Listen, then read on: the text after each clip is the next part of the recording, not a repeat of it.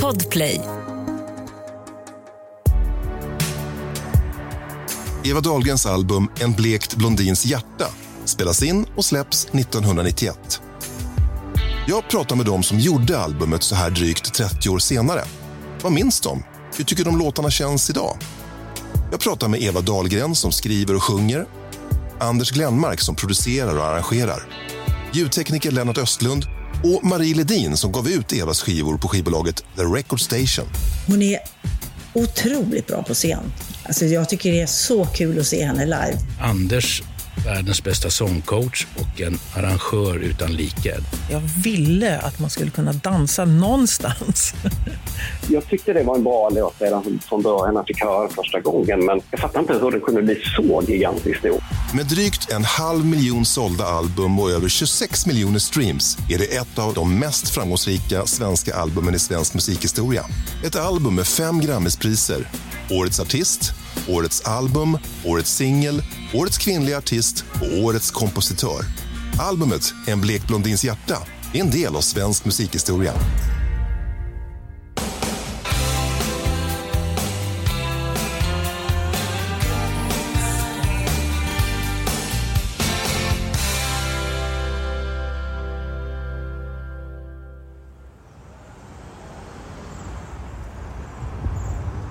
Sankt Eriksgatan 58 i Stockholm. Precis innan Sankt Eriksbron ligger ett hörnhus som från början inrymde en biograf. Och för några år sedan låg Sats träningslokaler här och idag finns det Synsams huvudkontor. Men just här, 1978, invigdes Sveriges modernaste inspelningsstudio, Polar Studio. Pengar från Abbas fantastiska framgångar hade skapat en förmögenhet för skivbolaget Polar och ägarna Stikkan Andersson, Björn Ulvaeus och Benny Andersson.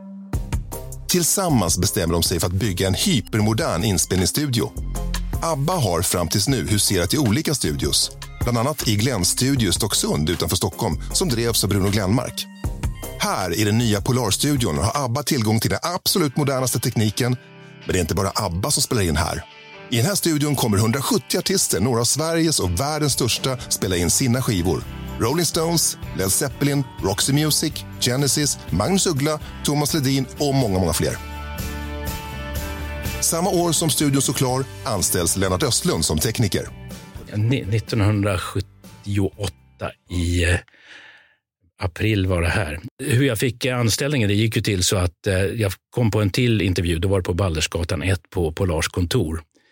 Och då skulle jag träffa Leif Mases igen och där sitter tre av inte så jätteintresserad av mig. Och, och, och, sen så kommer Stickan omgiven av ett hov som går bakom honom längs korridoren i en brun fin kostym och han säger äh, Inga-Lill, du kan ringa eh, Boken Music i, i England. Äh, och så kommer Leif Mases fram. Ja, det här är Lennart Östlund här, som ska börja jobba hos oss. På så vis fick jag veta att jag hade fått jobbet.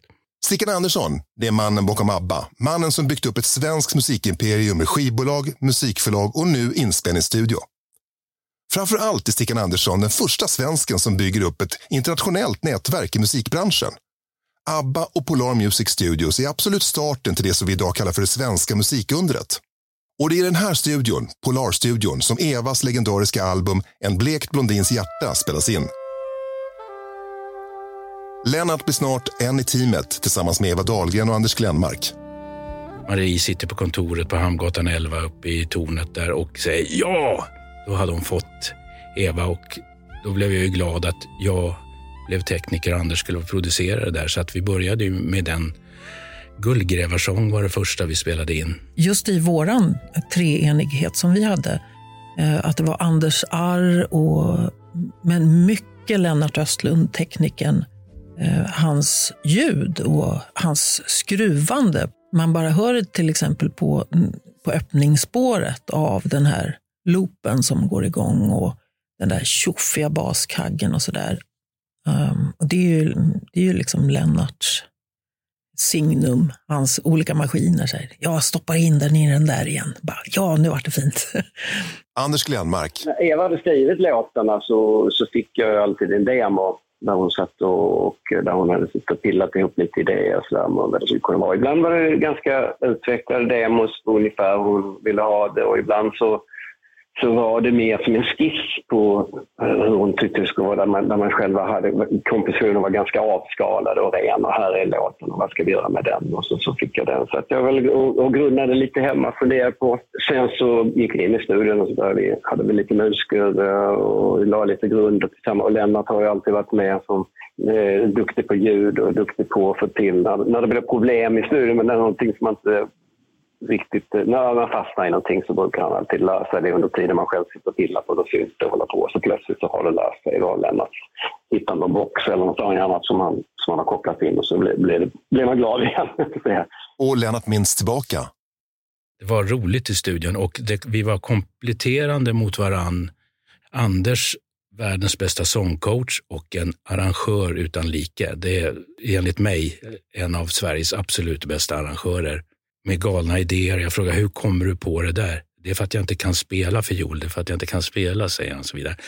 och eh, jag tog hand om det tekniska och sätta ihop det hela. Så att våra expertområden på allting där. Sen sa vi vad vi tyckte och ganska fritt eh, under produktionen såg till att produktionen under den tid som man hade fått och under den budget såg till att den blev klar.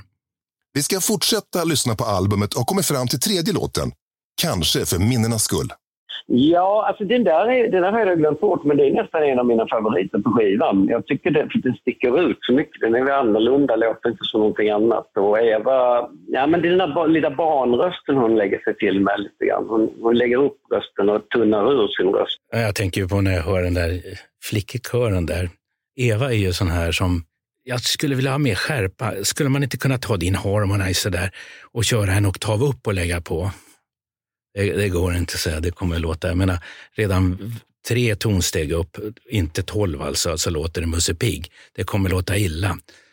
Men okej, okay, jag kan göra det. Vänta här ska du få höra, säga. Och så lät det jättebra.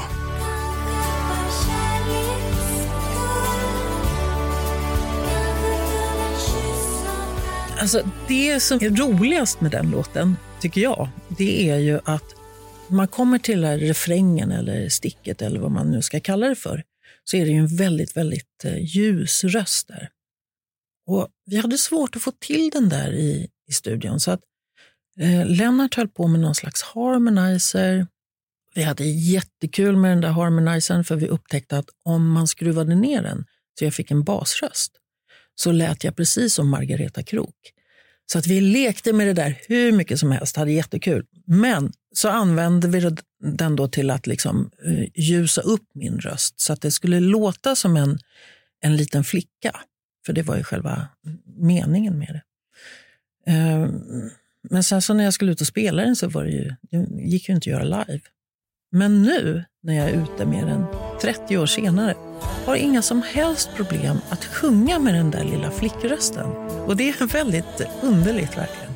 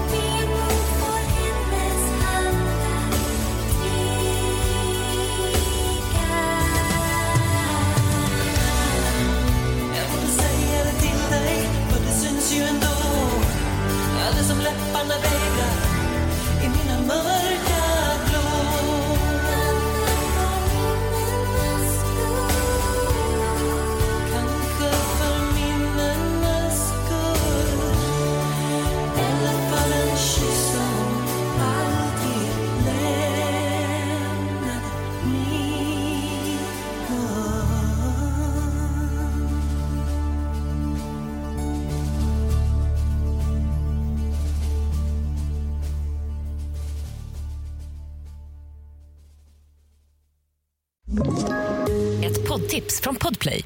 I podden Något Kaiko garanterar östgötarna Brutti och jag, Davva, dig en stor dos skratt. Där följer jag pladask för köttätandet igen. Man är lite som en jävla vampyr. Man har fått lite blodsmak och då måste man ha mer. Udda spaningar, fängslande anekdoter och en och annan arg rant. Jag måste ha mitt kaffe på morgonen för annars är jag ingen trevlig människa. Då är du ingen trevlig människa, punkt. Något Kaiko, hör du på Podplay. Därför är Fjärde låten på skivan heter Guldlock. Den är ganska minimalistisk i sin produktion. Anders spelar keyboard, gitarr och bas och Johan Knutsson spelar saxofon. Ett instrument som Eva i sin biografi skriver att hon har tröttnat på. Jo, jag älskade saxofon eh, förut, just när Bowie spelade saxofon. Och så här, jag tyckte det var jättehärligt. Men sen så var jag och såg någon, eh, något gig med, med Tina Turner. Och hade världens läskigaste saxofonspelare. Kommer Men det är den muskulösa... Ja, precis. det. Han. Ja, konstig. Ja. Ja. Då, alltså, sen dess gick det inte. Annars tänker jag, det, det är väldigt mycket alltså blåsinstrumentens rockinstrument på något sätt. Ja, det. Eh, Jag har precis Bowie, Stones, Ja. Springsteen. Ja, precis. Och oftast då så är det ju rätt bröligt. Eh, Jag har precis eh, försökt liksom komma in i saxofonen igen och börjat lyssna jättemycket på Stan Getz. Och det är ju så här annan typ av eh, saxofonspel som är väldigt underbart verkligen.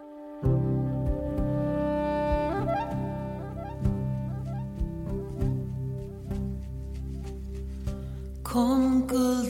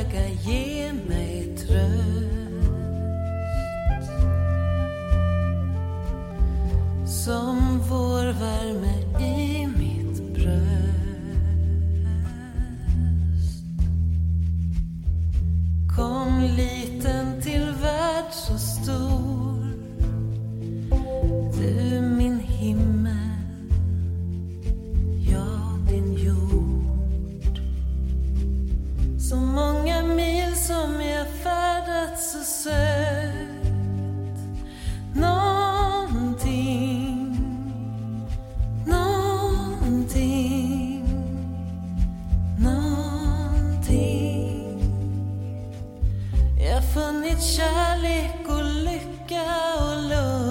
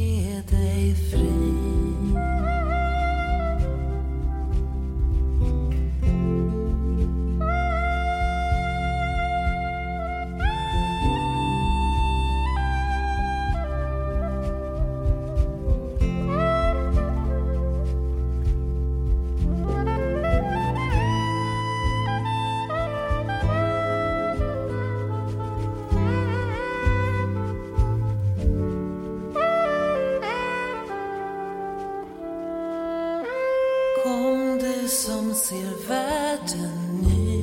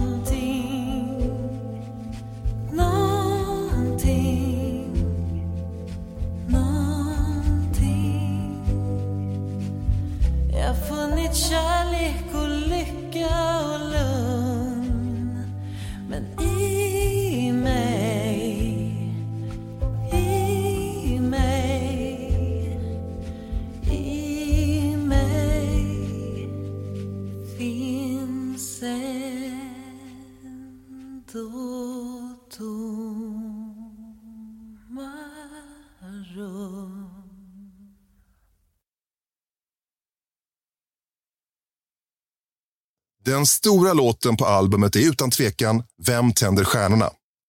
Det var Marie Ledins skivbolag The Record Station som gav ut Evas skivor. Marie är numera vd för Polar Music Prize och jag beger mig till hennes kontor på Östermalm i Stockholm för att höra vad hon minns. Hej, hej! Hej. Jag sökte Marie Ledin. Ett ögonblick ska vi se. Tack. Hur gick det till när de planerade vilka låtar som skulle ges ut som singlar? Jag vet att vi bestämde ju då att vi skulle släppa första singeln. Det gjorde vi på våren. Eh, det var Gunga mig. Eh, som jag personligen tyckte jätte, jättemycket om.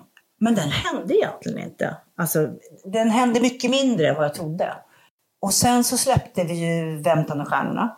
Och den slog ju till typ direkt. Jag tyckte det var en bra låt redan från början när jag fick höra den första gången. Men jag fattar inte hur det kunde bli så gigantiskt stor. Eh, för jag tycker det finns andra. Jag tycker Lev så är mycket större hit. Men, men de andra mer udda låtarna tycker jag är, är, är roligare. Det var den sista låten som jag skrev till albumet när jag kände så här att, du vet, man knyter ihop allting. Så här, ja, nu är den här. Nu kan jag gå till studion. Nu är jag färdig.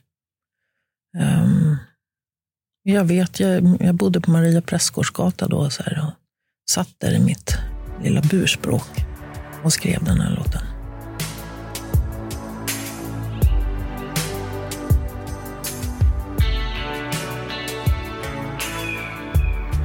Det var evighetssekunder, tre korta andetag. Hela livet vände, vem valde inte jag? Jag hörde ord från mina läppar som aldrig vilat i min mun. Tankar aldrig tänkta som nya väggar i ett rum.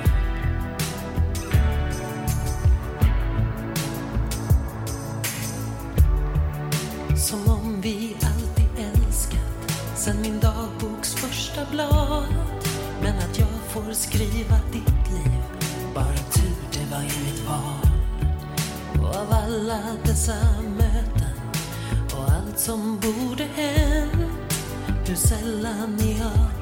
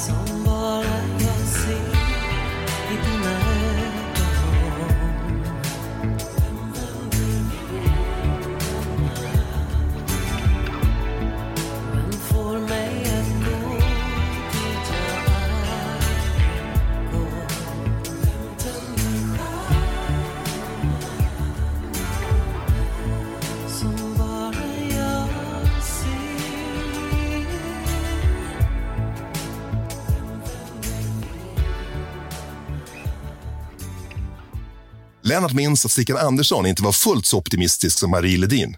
Jag kommer ihåg när hon blev signad så satt Marie Ledin och sin far Stickan ute i köket och Stickan sa att det här är inte kommersiell musik, det här kommer inte kunna sälja. Sen så sålde de ju 100 000 och det. Sen plötsligt så brakade ju den här iväg till 400 000 album.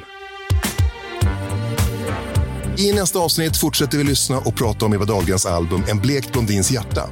Jag tycker det finns lite One Night in Bangkok i den av alla. Och det, det måste ligga ett bra sequencer hela tiden, precis som Björn och Björn närde på. Vi kallar den ju diskon, som det var.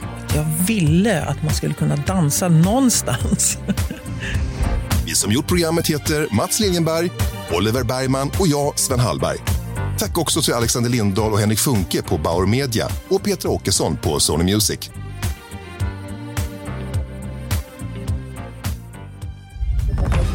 Podplay, en del av Power Media. Ett poddtips från Podplay. I podden Något Kaiko garanterar östgötarna Brutti och jag, Davva, dig en stor dos skratt. Där följer jag pladask för köttätandet igen. Man är lite som en jävla vampyr. Man har fått lite blodsmak och då måste man ha mer. Udda spaningar, fängslande anekdoter och en och annan arg rant. Jag måste ha mitt kaffe på morgonen för annars är jag ingen trevlig människa. Då är du ingen trevlig människa, punkt. Något Kaiko, hör du på Podplay. Därför arkadeinerna.